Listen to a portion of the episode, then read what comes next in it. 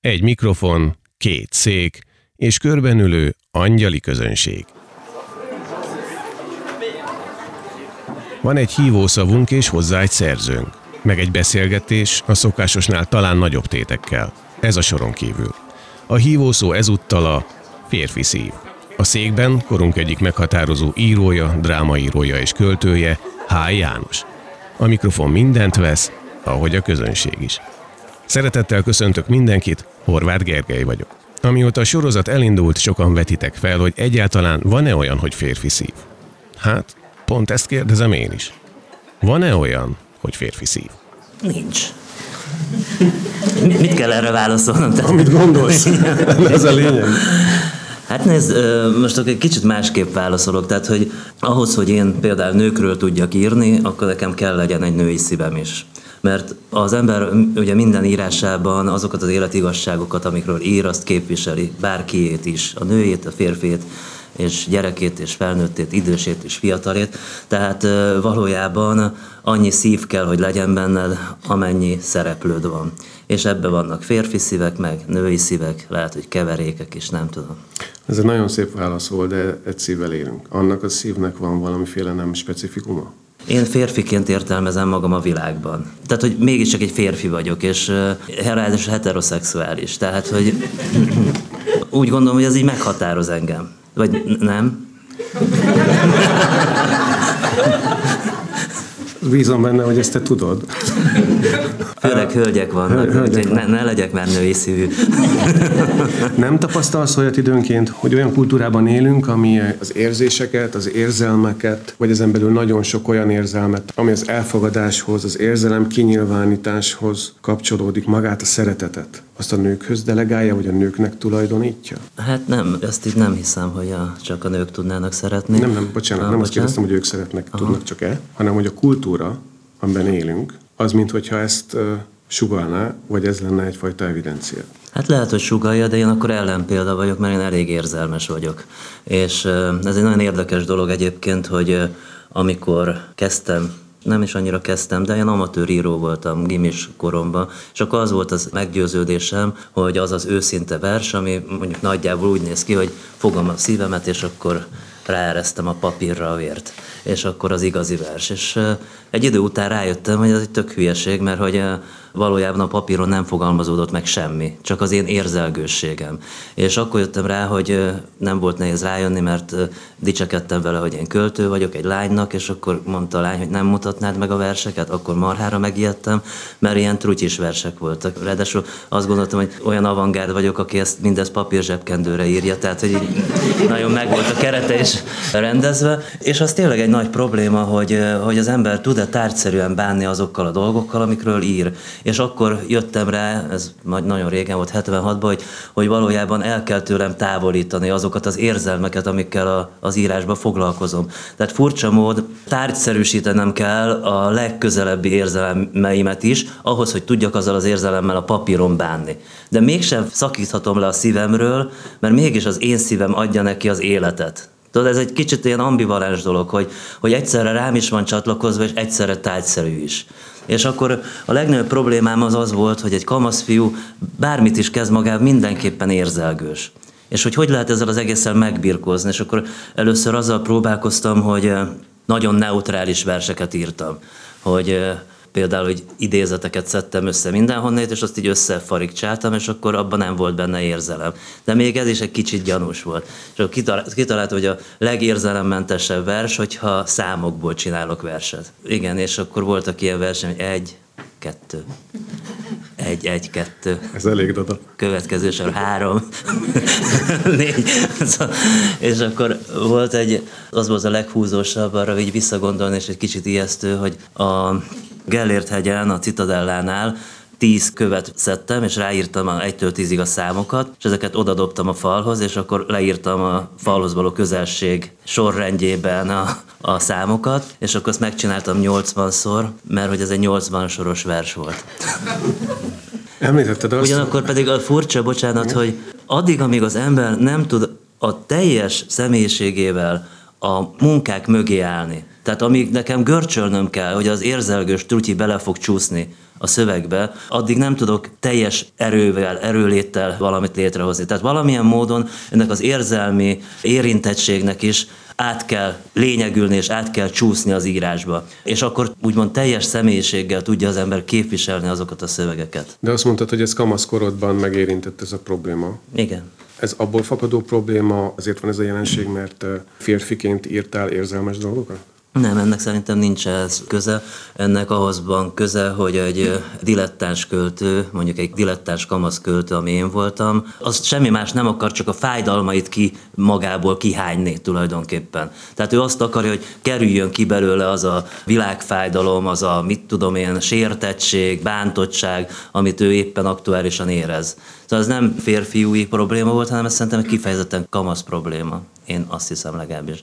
Nekem ez egy nagyon fontos időszaka volt az életemnek, a kamaszkorom, mert és most is azt gondolom, hogy bármennyire is elviselhetetlenek a kamaszok, de a legnagyobb dolgok akkor történnek az életünkben. Akkor teszük az első lépéseket, az első újdonságok felé. Mint például? Hát, mint a szex például, alkohol, művészetek. Melyik a szimpatikusabb?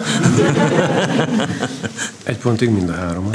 Nagy barátságok, hihetetlen barátságok, ugye, és az ember mindenben száz százalékig akart benne lenni, és, és teljes szívvel és teljes odaadással. Jó, akkor amikor kamaszként élted meg ezeket, mondjuk az első szerelmet, vagy valahanyadik szerelmet, tehát amikor így elkezdett tétre menni, akkor mi volt az elképzelésed róla? Hát ugye nekem nagyon sok problémát jelentett a gimnázium, mert rossz tanuló voltam, különösen magyarból, amiből ugye meg is buktam és akkor beleszerettem egy osztálytársnőmbe, aki viszont pont az ellentétem volt, tehát mindenből kitűnő volt, és aztán én ő belé belekapaszkodtam, és akkor ez így el is kísérte az életemet, mint kapcsolat. 76-tól. Őt a feleséged? Mm. Azt mondjuk, hogy a férfi szív, vagy a hívószót annak szántuk, akkor nem feltétlenül a szerv jutott eszünkbe, hanem mindez az érzelmi központ, érzelmi szellemi központ, amivel élünk. De ha mondjuk ezt így metaforaként, egy valódi szívként képzeljük el, akkor melyik volt rajta eddig számodra a három legmélyebb sebe? Hát nyilván az, hogy nem tudtam integrálódni Budapesten, ugye én vidéki vagyok, és nehéz volt ez az átlépés, és különösen a felnőtt világgal nem tudtam jól összejönni. Úgyhogy, úgyhogy ott akkor nagyon lezgett a léc, akkor két évig kallottam itt Budapesten, volt, amikor lakásom sem volt, és utcán éltem, úgyhogy akkor, akkor kicsit úgy nézett ki, hogy, hogy ebből a történetből nem lesz semmi. De aztán valahogy másképp alakul. És hát a, a másik persze a feleségem halála, úgyhogy de erről ne beszéljünk, jó? Bocsánat. Amikor azt mondjuk a, a barátságokról, tehát a férfi barátságokról, ez még a kamaszkori uh-huh. dolog, az olyan lette az életed során, mint amilyennek eredetileg gondoltad, vagy ez fontos volt-e akkor? Hát a barátság nekem igen, nagyon fontos volt, és sok barátot vesztettem, és nagy hiányokat éltem meg, mikor egy ilyen veszteség volt, mikor egymást elárultunk. Persze én úgy fogtam fel, hogy engem árulnak el, de lehet, hogy a másik pont fordítva. De hát mindig, mindig vannak hozzám nagyon közel álló emberek, nők is és férfiak is. Nem tudok különbséget tenni, a, mert nem ugye a nő és a férfi között, hanem, hanem a baráti kötődés között. A itt láttad? Nem. Ez egy romantikus végjáték, amerikaiak csinálták. A Billy Crystal és a Meg Ryan a főszereplő. Arról szól, hogy férfi és nő között lehet-e barátság, és a egész 90 perc arról szól, hogy hogyan jön össze két olyan ember, aki egymás, mint kutya-macska nagyjából úgy viszonyult. És abban hangzik el a klasszikus mondat, amit sokan szoktak idézni, hogy férfi és nő között nem létezik barátság szex nélkül. Hát lehet szex nélkül, de biztos, hogy van egy másfajta vonzódás. Tehát a, a női barátaimhoz akik általában jobb barátok néha, mint a férfiak, például ők szokták olvasni a munkáimat először. Már kéziratban. De egy férfi soha se ér rá elolvasni egy könyvet, ráadásul még idegesíti is, hogy én jót írtam. Tehát, hogy, hogy ezért is reménytelen. De a, a nők, két-három nő van, aki olvassa a dolgaimat, és ez az a bizonyos külső fül, ami nélkül nem lehet igazából működni, mert kell valaki, aki visszajelez, hogy rendben vannak-e a dolgok, vagy, vagy valamit kell még dolgozni rajtuk, és én nagyon szoktam hallgatni rájuk. De azt nem mondom, hogy nincs egy plusz érzelem a De ez olyan, a, a lányom iránt is mást érzek. Bocsánat, nem vagyok pedofil, nem. De, de más, más a, a, a lányomhoz való kapcsolódásom, mint a fiamhoz. Tehát, hogy ez automatikusan más.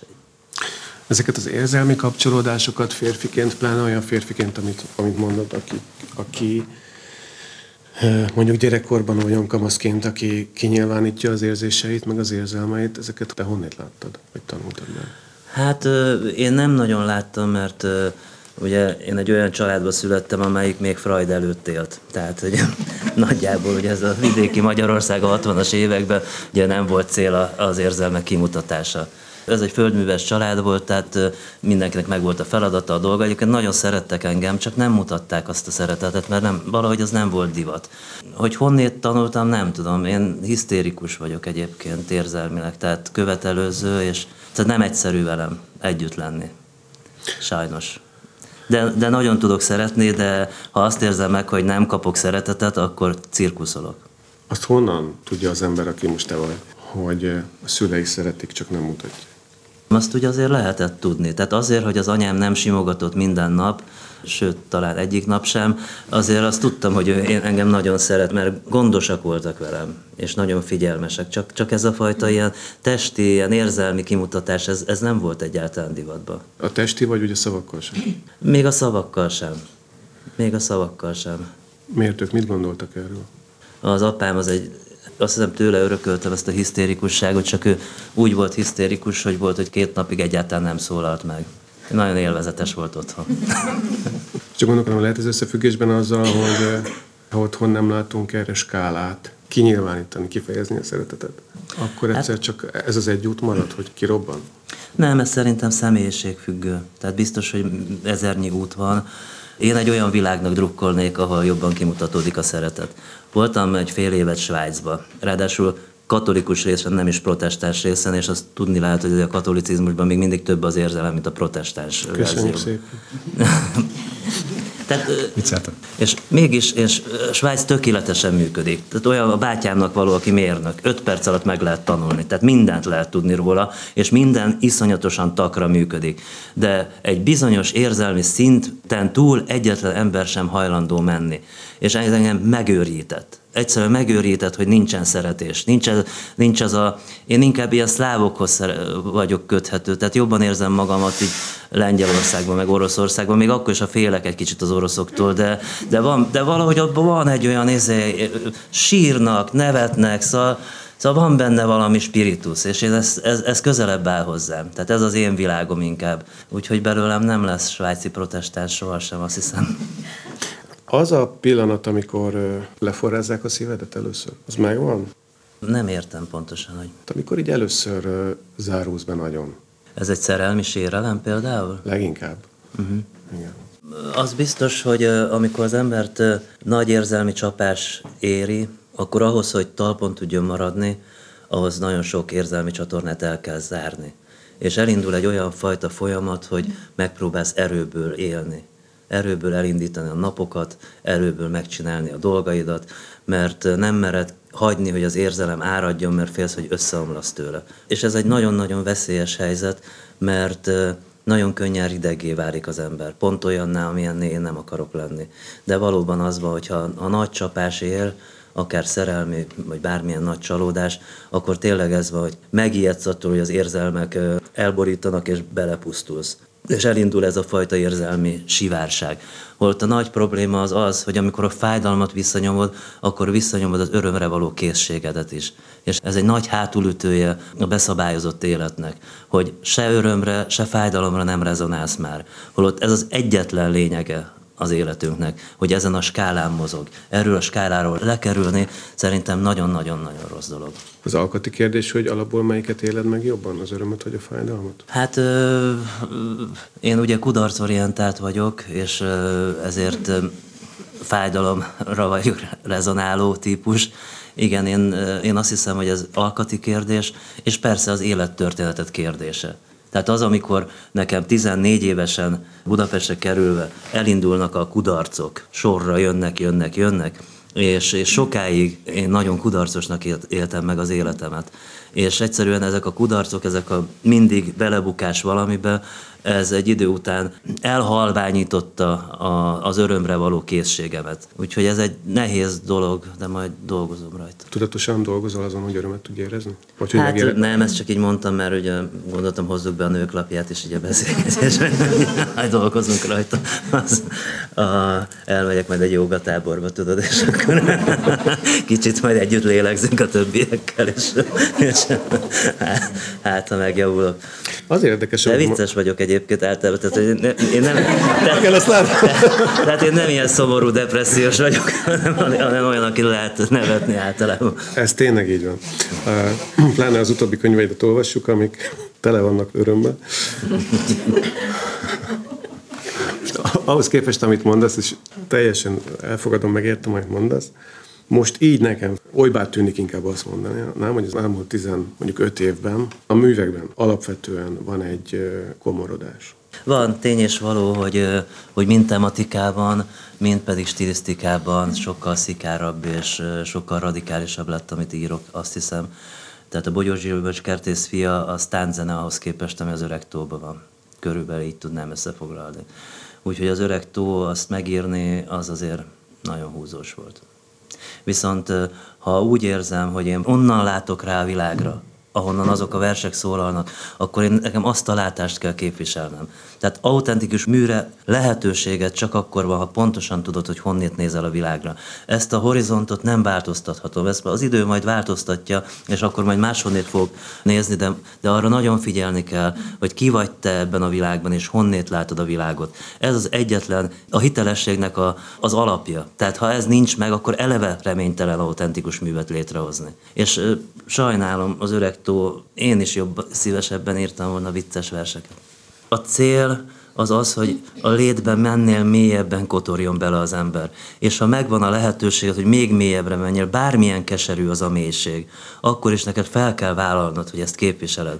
Akkor is, hogyha esetleg tudod, hogy ez rosszul esik sokaknak, ak- akár olvasóknak, akár bárkinek, nekem is például, önmagamnak is, de nem, ezt, ezt nem, nem engedhetem ki a kezemből, hogyha erre lehetőséget kaptam. Tehát ez egy ilyen furcsa dolog, hogy az embernek meg kell becsülnie azt az adottságot, hogy képes a világot megragadni írásban.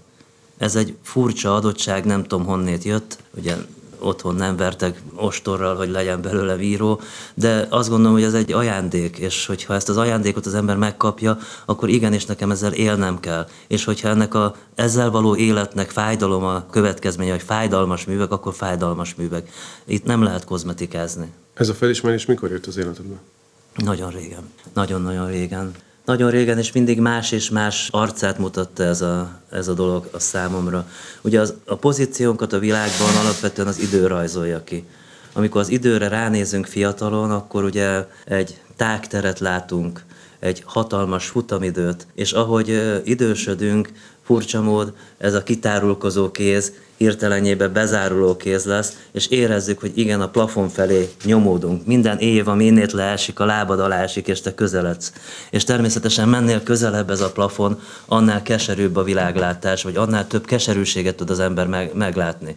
Az pedig, hogy Nekem ezzel a látásmóddal mindig ritmusban kell lennem, ezt már nagyon fiatalon így, így gondoltam. És a mai napig is ha tanítok, néha szoktam ilyen kreatív writingot vagy szépírást tanítani, csak azt tudom mondani a tanítványoknak, hogy a hatodfeles jambust megtanulni az nem olyan nagy cucc, az nem olyan vészes cucc. Azt megtanulni, hogy örökösen önvizsgálatban legyél, és mindig tudd azt, hogy ki az, aki a világról beszél, az sokkal nehezebb feladat, és sokkal nagyobb munka. Én őszintén szólva nagyon kedvelem a te írásaidban. Hogy érzek egy olyan drive-ot, ami az igazságkeresésnek a hajtánya. Hát lehet. Múltkor azt mondta egy pszichiátor, hogy mániás depressziós vagyok, és a mániás szakaszban vagyok, úgyhogy van, aki másképp értelmezi ezt a, ezt a lendületet. De, És ugye depressziósban is. Hát nem tudom, egy ilyen beszélgetést hallott, és látta ezt a lendületet, és ő meg volt győződve, hogy én egy bipoláris jelenség vagyok, épp a mániás szakaszban. Pedig aztán én mondtam neki, hogy csak túl közel ül a hangszóróhoz. És... Na mindegy. Igen, ez a, amit te drive-nak nevezel, az nagyon, nagyon furcsa, hogy, hogy amikor könyvet olvasunk, pont ezt a gyurcsányi idézettel élve szenvedélyt olvassuk a, a mű, művekben. Hogy tényleg van egy, egy nagyon mély elhivatottság vagy akarat az emberben, hogy azt a világot fölfedezze, amiben belemegy a szavaival. Bennem fűt valami láng, vagy nem tudom micsoda, hogy igenis föltárjam ezt a világot. Ugye a, a Goethe mondta, talán a Goethe mondta, de most minden, úgyse tudjuk, mit mondott a Goethe, hogy mindent mondott. Most ezt, miért, ezt miért nem mondhatta volna? hogy, hogy, hogy, hogyha tudnám, mit akarok írni, már nem lenne kedvem megírni. Mert ugye a, a tudáshoz akarok hozzájutni, ahhoz a bizonyos világhoz, amit én ábrázolni akarok. És ennek a világnak a bejárása, ez igenis kell egy belső szenvedély, vagy egy mély akarat. Sőt, még azt mondom, hogy írtózatos kedv. Mert ezt a kedvet is látod, hogy nekem van kedvem ezt a világot fölfedezni. Azon gondolkodom, hogy az a világ, ami mondjuk nem az elmúlt két évben, de már egy ideje benne vagy, Mondjuk ebből egy személyes mélyütés pont a mélygarázs volt, az öt évvel ezelőtti talán nagyjából. Abban, mintha nem lenne sok remény. Ugye a mélygarázs, nem tudom, hogy ki olvasta, ki nem olvasta. Itt van.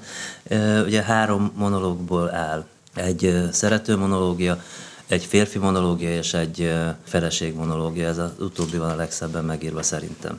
Ez már mindjárt egy pozitívum a könyvnek. De a lényeg az, hogy, hogy ez a férfi elhatározza, hogy felrobbantja a mélygarást.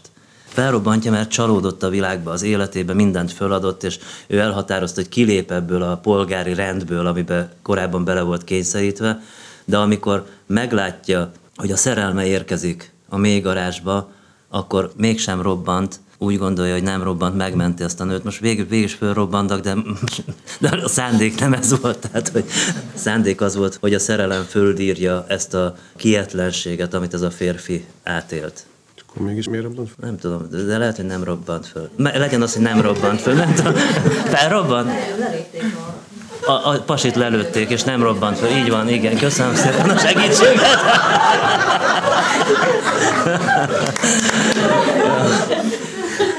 Szóval nem robbant fel. A nő életben maradt. A nő életben maradt, igen, igen, igen, igen. Most átírnád a végét? Nem, nem, nem. nem. Én még olyan íróval nem találkoztam, aki... Aki? Nem tudtam, hogy hogyan fejezett be egy regényt, ami életművének meghatározó darab.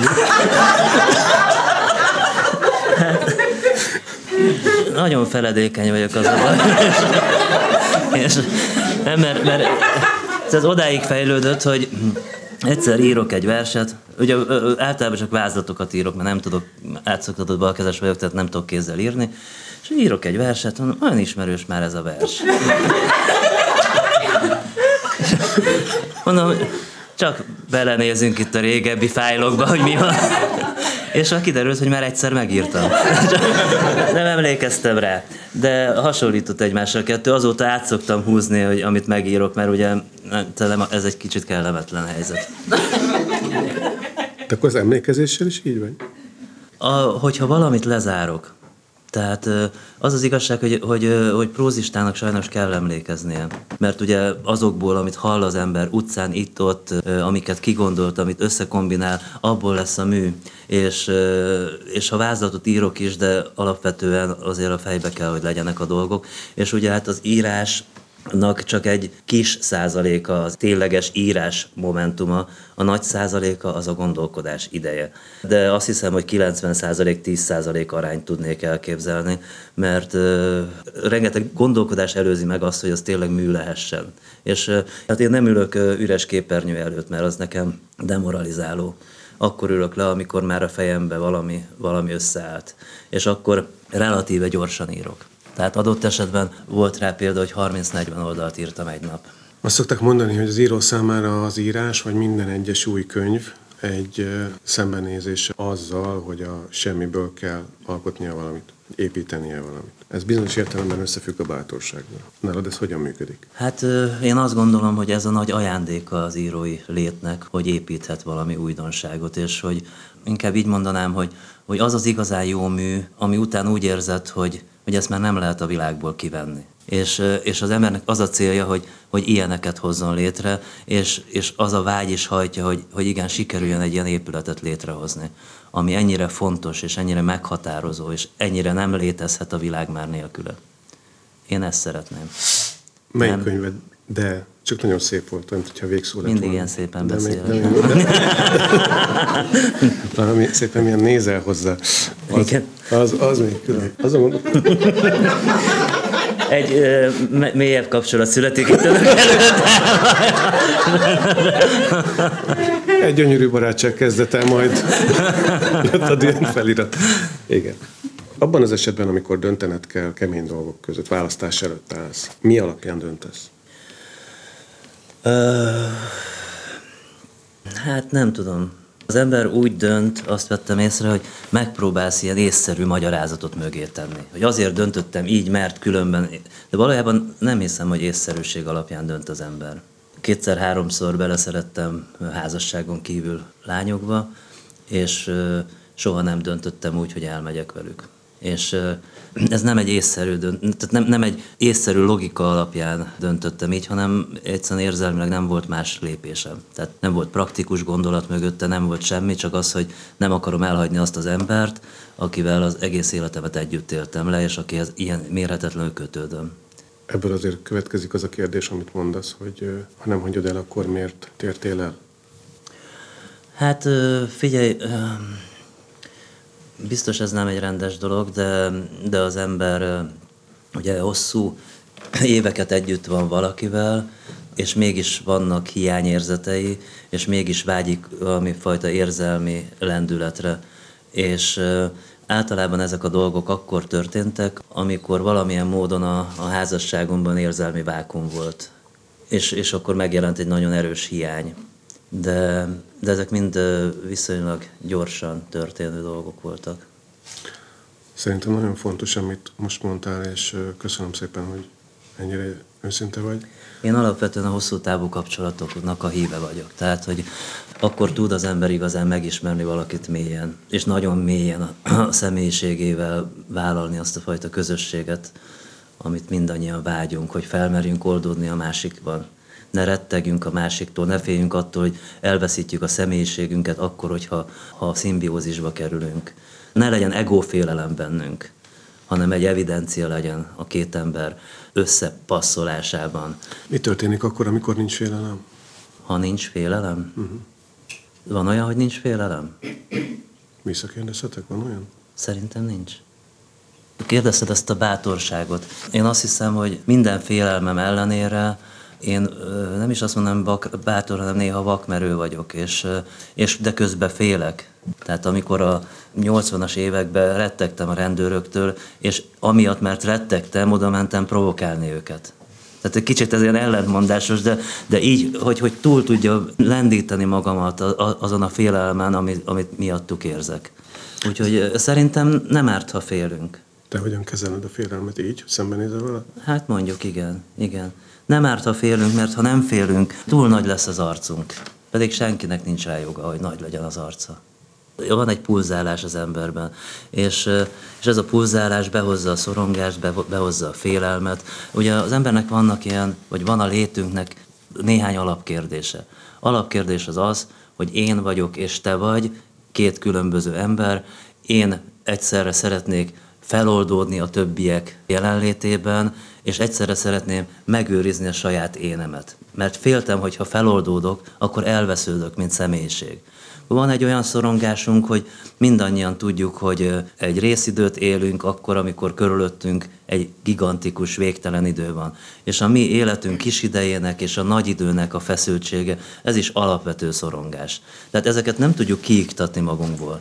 És az egyetlen érdekes dolog, hogy valóban ezek a nagy élethelyzetek feloldanak minket ebben a szorongásban, és néha a művészet. Tehát a művészet az egyetlen mesterséges dolog, ami ezt katalizálni tudja. Tehát, hogyha az ember kijön egy koncertről, fogalma nincsen, hogy mi emelte meg a, a, a szívét, de valami megemelte, és ez a dolog emelte meg, hogy a mű, műalkotás képes volt egy olyan teljességbe bevonzani téged, mint, mint nézőt, mint hallgatót, amiben elfelejtődik a, a lét alapszorongása. Amikor azt mondod, hogy nagy idő, akkor arról beszélsz, amit máshol örök életnek neveznek? Hát igen, mondjuk. Hát a, vagy a végtelen idő, inkább így mondanánk, a körülöttünk lévő végtelen idő. Amivel harcolsz. Uh-huh. De én nem hiszek az örök életbe. Miért? De nem akarlak meggyőzni, hogy ö, csak... Kérlek. Mert úgy gondolom, hogy nincsen. Nincsen a halál után élet. Igen, és egy másik dolog az, hogy azzal, hogy én nem hiszek az örök életbe, vagy a halálon túl életbe, az nem azt jelenti, hogy a transzcendencia az nincs benne az én írásaimban. Tehát amely műben nincsen transzcendencia, vagyis annak a világnak a jelenléte, amit racionálisan nem ismerhetünk meg, az a mű nem válik műalkotássá. Tehát a, ha, ha az, az publicisztika, vagy bármi újságírói dolog. Igazán mű csak akkor akkor mű, amikor azok a lélekrészek és azok a világrészek is átsugalják a szöveget, amelyekről az agyunkkal, az észszerűségünkkel nem tudunk megfogni. Mi van a transzcendensen túl, vagy abban benne? Nem tudom. Akkor. Én egyébként elég sokat foglalkozom az Isten kérdésével. És fontosnak tartom akár úgy, mint a tradícióban, akár hiszel benne, akár nem hiszel benne. Mert nem szabad elfelejteni, hogy az Isten léte, az most mindegy, hogy lét vagy nem lét, de a tradícióban való jelenléte, az azt jelenti, hogy van egy külső pont, ahol rá, ráláthatunk az életünkre. Tehát nem a pszichológus az, az is, de ő sok pénzért csinálja az Isten ingyen. Tehát, hogy már a ókorban megszületett az a referencia pont, ahonnét igenis az életünket lehet látni. És ezért nagyon fontos, hogy ez a tradícióba valamilyen módon megőrződjön. Én is hálás vagyok. Tehát én nem vagyok hálátlan ember. Én nem gondolom, hogy bármi is járna a világtól. Csak úgy, automatikusan.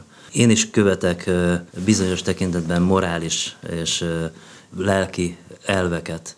És amikor azt mondom, hogy, hogy ez a kívülre helyezettség, onnét én nézek vissza magamra. Tehát valójában az én énem van oda kihelyezve, hogy ránézhessen arra, aki én vagyok. És hogy mit látni onnét, jobb volna néha semmit sem látni, de, de, de nem minden részemben vagyok rossz. Hm. És van szándék bennem jobbnak lenni. Ez mindig is volt egy, egy igyekezet bennem, hogy azt gondolom, hogy, hogy önkéntelenül követel az ember vétkeket, de olyan vétket nem követek el, amiről tudom, hogy vétek, vagy legalábbis szeretném elkerülni. Tehát, hogy legalább azokat ne kövessem el, amikről látszik, hogy vétek. Én nagyon-nagyon szeretek egy olyan dalt, aminek te hoztad össze a szövegét, mert hogy többből állt össze ez a Szívem szorítom című dal, amit a 30Y előadásában is hallunk, meg a rájátszásban is hallunk a rádió, vagy hallottunk a rádiókból. Csak egy fölvillantás. Nem Isten, hogy meggyógyítson magamtól,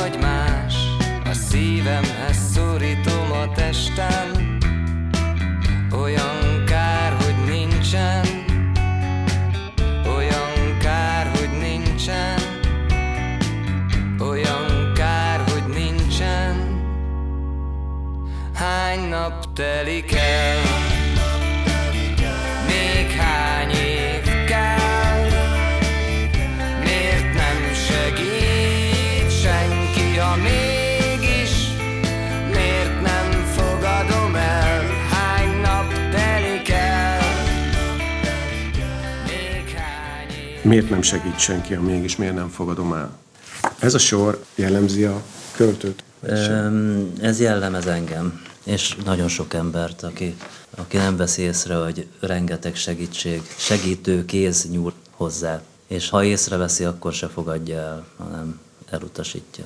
Ennek mi az oka? Nem tudom. ennek van köze ahhoz, hogy férfi szívvel élünk, vagy nincs? Á, keretes szerkezet?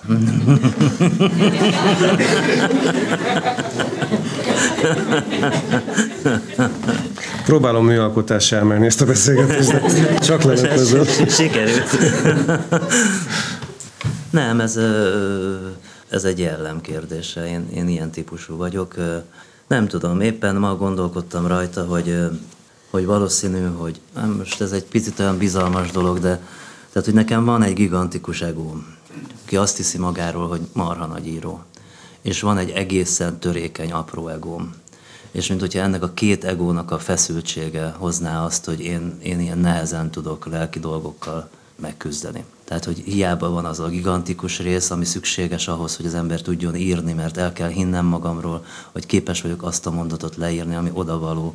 És van egy másik énem, ami egy nagyon kicsi és nagyon törékeny, és, a, és az élettől, a világtól félő énem, és ennek a kettőnek az örök harca van bennem, és ezt, ez, ez okozza ezeket az is- iszonyatos szorongásokat, amivel én élek, és amivel próbálom megtermékenyíteni az írásaimat is. Hogy más is szorongjon, ne csak én. Nem tudom miért, de nekem ez a dal nagyon-nagyon sokat jelent. Szerinted miért jelenthet, most a köztünk lévő dialógusból kiderült, hogy felülre kicsit másképpen tekintünk, ez a dal sokat? Nyilván ez a magányos ember vergődése, és a, ugye az Istentől elhagyott világban való vergődés, és ezt mindannyian megéljük időnként, azt hiszem. Az a nagy probléma, hogy abban a pillanatban, hogyha én egy ideológiai biztonságba mennék bele, például a hitbe, amit azért volt bennem szándék jó párszor az életem során, hogy ez sikerüljön, és természetesen én is előfordulok templomba, és, és a gyerekeim is meg vannak keresztelve, meg stb. stb. De valójában nem mehetek bele egy ideológiai biztonságba, mert nekem folyamatosan tematizálnom kell a belső feszültségeket, az ember belső vergődését. Ha én lenyugodnék, ha, ha tudnám, hogy kétszer kettő a világ, akkor valószínűleg kevésbé tudnám képviselni ezeket a dilemmákat, amit az ember hordoz magában. A problémám az az, hogy ideológia és a moralitás nem része a műalkotásnak. Tehát az ideológia és a moralitás az a művészet ellen dolgozik. Mert hirtelen megjelenik egyfajta ilyen külső támaszték a szövegen belül. A szöveg mindig az önmagadról való nyitott gondolkodást kell, hogy képviselje. Amely szöveg nem ezt képviseli, azt lehet értelmezni úgy, mint egy morális tanmesét, vagy lehet úgy értelmezni, mint egy tanulságos traktátus az emberi létről, de nem, nem műalkotás. És ha konkrétan is elmondom neked, hogy az Anna Karenina és a háború és béke műalkotás, de az öregkori Tolsztoy művek, például a gyógynás, az nem az. Az egy ideológiai panelszöveg. Én nem maszatolhatok, mint író, és egyik író sem. Tehát amikor egy polgári állásod van, akkor, akkor el tudod a belső konfliktusokat, el tudod temetni, ki tudod ebből az egészből. Nekem állandóan fel kell vakarni a sebeket. Nincs mese. Hogyha nem vakarom föl, nem érzem az eleven fájdalmat, akkor én nem tudok hitelesen írni. Úgyhogy én nem menekülhetek ez elől. A másik probléma pedig az, hogyha te azt csinálod íróként, hogy megpróbálsz megfelelni a körülötted lévő elvárásoknak, és nem a te saját belső rended szerint mész, önkéntelen belecsúszol a korrupcióba, amit én művészi korrupciónak nevezek. Mert valójában nem belülről beszélsz, hanem e- megpróbálsz mások nyelvén megszólalni, megpróbálsz másoknak tetszeni, és ez önkéntelenül is hazugságra fog vinni. És valóban ilyen tök egyszerű a dolog, hogyha elolvasod a Heideggernek a, a Heidegger? Rokonok vagyunk, nem észre? a műalkotás eredete, vagy nem tudom mi, a ilyen picike kis könyv, és ezt el is lehet olvasni.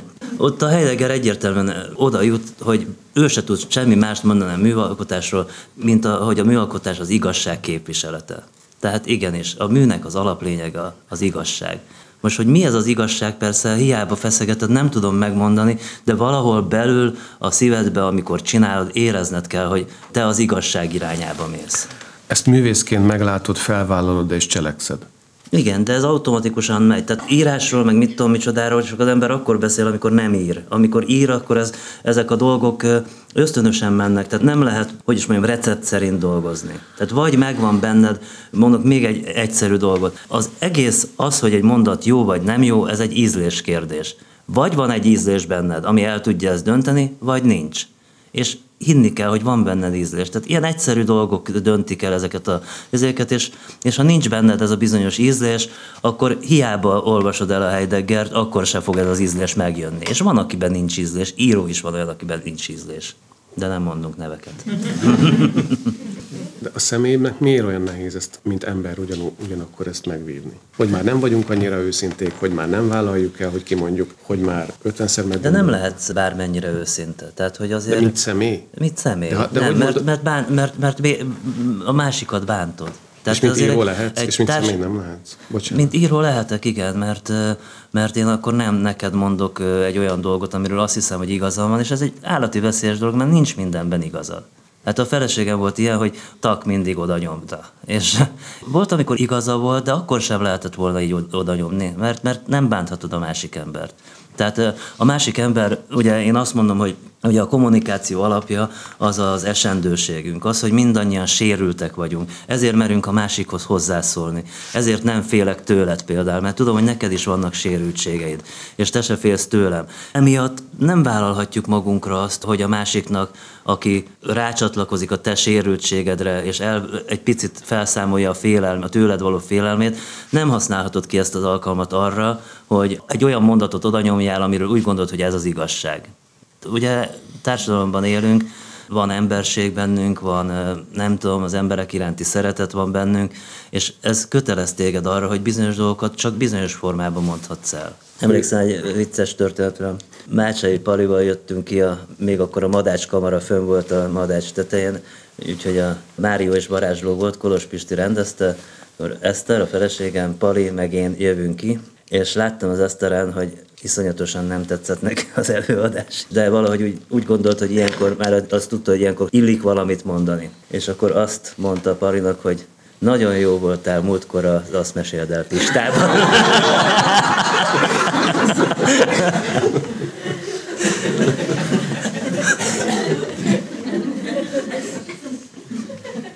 Na, például neked, mint színpadi szerző is. Megmondják premier után a véleményt? Ö, Őszintén.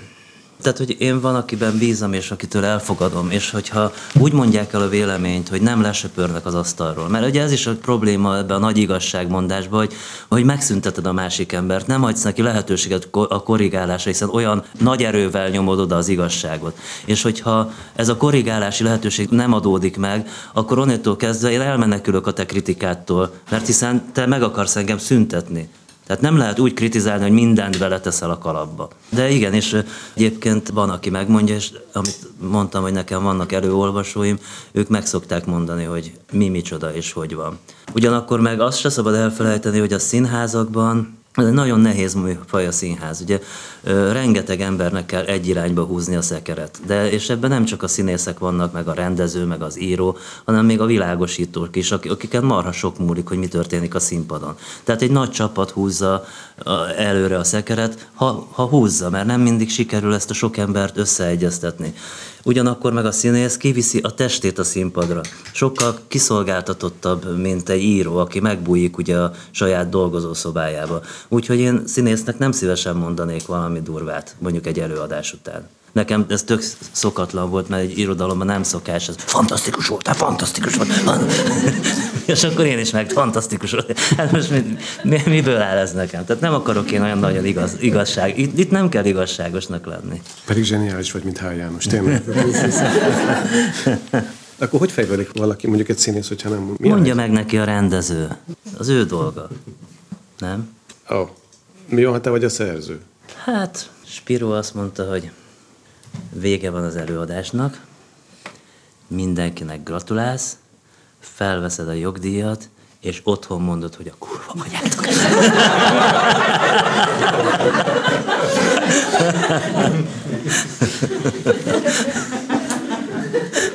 Milyen pazar végszó lenne ez is.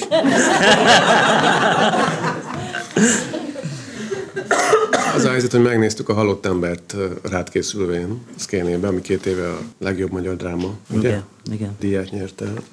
És egyrészt lehúzott. Mit csinált? Mit? Lehúzott, mint el, tehát le, Ja, lehúzott, az lehúzott. élmény. aha. Most az őszinte vagyok. Igen, igen, igen. Alexander Brody ezt úgy oldotta meg az öreg barátom, amerikás magyar, hogy bemutatták, azt mondja, hogy vidám darab? Mondom, nem. Akkor nem megyek. Kész. Ennyi, ennyi volt. De várjál, nincs vége. És két nap múlva kezdett el dolgozni bennem gondolatilag. Ugye az sem egy happy endes történet, nem tudom, minek szántad. Nem tudom, emlékszem még, hogy hogy mi a vége. Azt olyan fantasztikus volt írni ezt a szöveget, és ha már azt mondod női szív és férfi szív, ott nagyon erősen bele kellett egy nőbe menni. Nagyon-nagyon erősen, és retteltesen, nem tudom, hogy csak úgy ömlött belőlem, és aztán a könnyeim is persze, mert érzelgős vagyok. Ezt örömmel írtad? Mm. Ja. Szóval az, hogy van, hogy két nap múlva gondolatilag valami egy olyan élmény, ami tulajdonképpen egy ilyen távolságtartásként hatott, elkezd... Nem tudom, de ez azt jelenti, hogy minimum két napig benned volt, ami már önmagában mekkora. Hát több, nagy. több, többig is igazából. ig- Igazából ez egy, én nem találtam nyugvópontot még arra a kérdésre, amit fölvetsz, vagy, vagy ami engem ebben eltalált. Minden esetre az egy érdekes dolog, hogy a, a remény megvonása egy műben hogyan hathat ránk. Hát igen, igen, igen, és ugye erre hozhatjuk fel az ember tragédiájának utolsó mondatát, ami viszont számomra olyan, mint hogyha egy, mintha gúnyolódás lenne. De valóban az, hogy én nagyon sokszor megvonom a reményt a könyveimbe, ez, ez sok embert zavar. De a halott embernél ott szerintem nem erről van szó. Ugye ez egy háborús történet, de nem háborús történetnek szántam pusztán, csak hanem abba, amit látok magam körül, hogy össze-vissza élnek a házas párok. Egyik itt dolgozik, a másik ott dolgozik. Vagy ha nem élnek össze-vissza, úgy belefeledkeznek a saját problémáikba, hogy tulajdonképpen olyan, mint hogyha külön élnének, és mire fölemelik a fejüket, addig az egyik már erre fejlődött el, a másik már arra fejlődött el. Vajon vissza lehet elépni ugyanabba a folyóba, ugye Héraklétosszal élve. És én, én azt gondolom, hogy nem, ha nincs, nem közös érzelmi történet van, akkor marha nehéz visszalépni. És nagyon fontos az, hogyha egy pár pár akar maradni, hogy igenis közös érzelmi működés legyen, mert azt tudja őket együtt tartani. Hú, megint szép végszó volt, hogy megemeltük a szíveket. Úgyhogy abba is hagyjuk mindjárt. Képzeld el, hogy ma beszéltem Beck Zolival, aki a szívemhez szorítom című énekli. Ti High Comeback show-t is nyomtok ketten. Igen. Több alkotói estetek van. Bocsánat, nem azért, mert telefonálni akarok, csak... Csak gondoltam, hogy azt fogod... Tudom, hogy mit fogsz mondani, és akkor ahhoz készülök. Köszönöm szépen. Szóval, hogy mielőtt ide bejöttünk volna beszélgetni, kiderült a következő. János nemrég Tallinnban volt, Észtországban, ahol verseket írt. És Zoli nagyon örömtelien mesélte, SMS-ben küldted el talán ezeket neki? Uh-huh. Mutattad meg? Uh-huh. Igen. És hogy ezek annyira letisztult, szép, felemelő versek, hogy Ezek után nehéz lesz felolvasni. Mi van, nem olyan? hogy annyira örül, hogy ezeket ő megkapta, és hogy ezt nyugodtan betehetjük így a beszélgetésbe, hogy egy ilyen információ van, és ezek nagyon friss versek.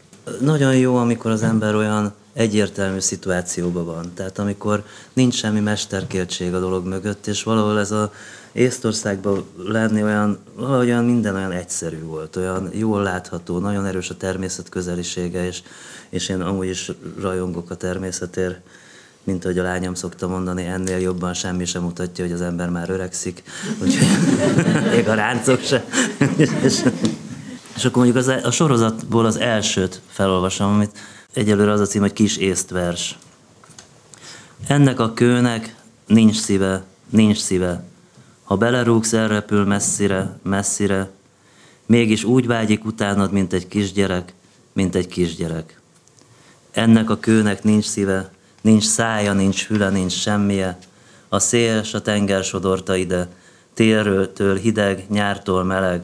A tiéd, ha felveszed, s örökre ott marad veled. Ennyi. Ilyen rövid. Megcsináltam zenével is.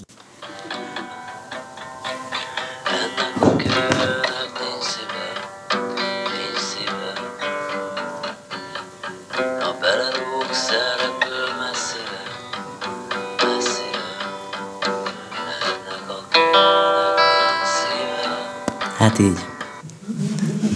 Bocsánat. Itt a vége.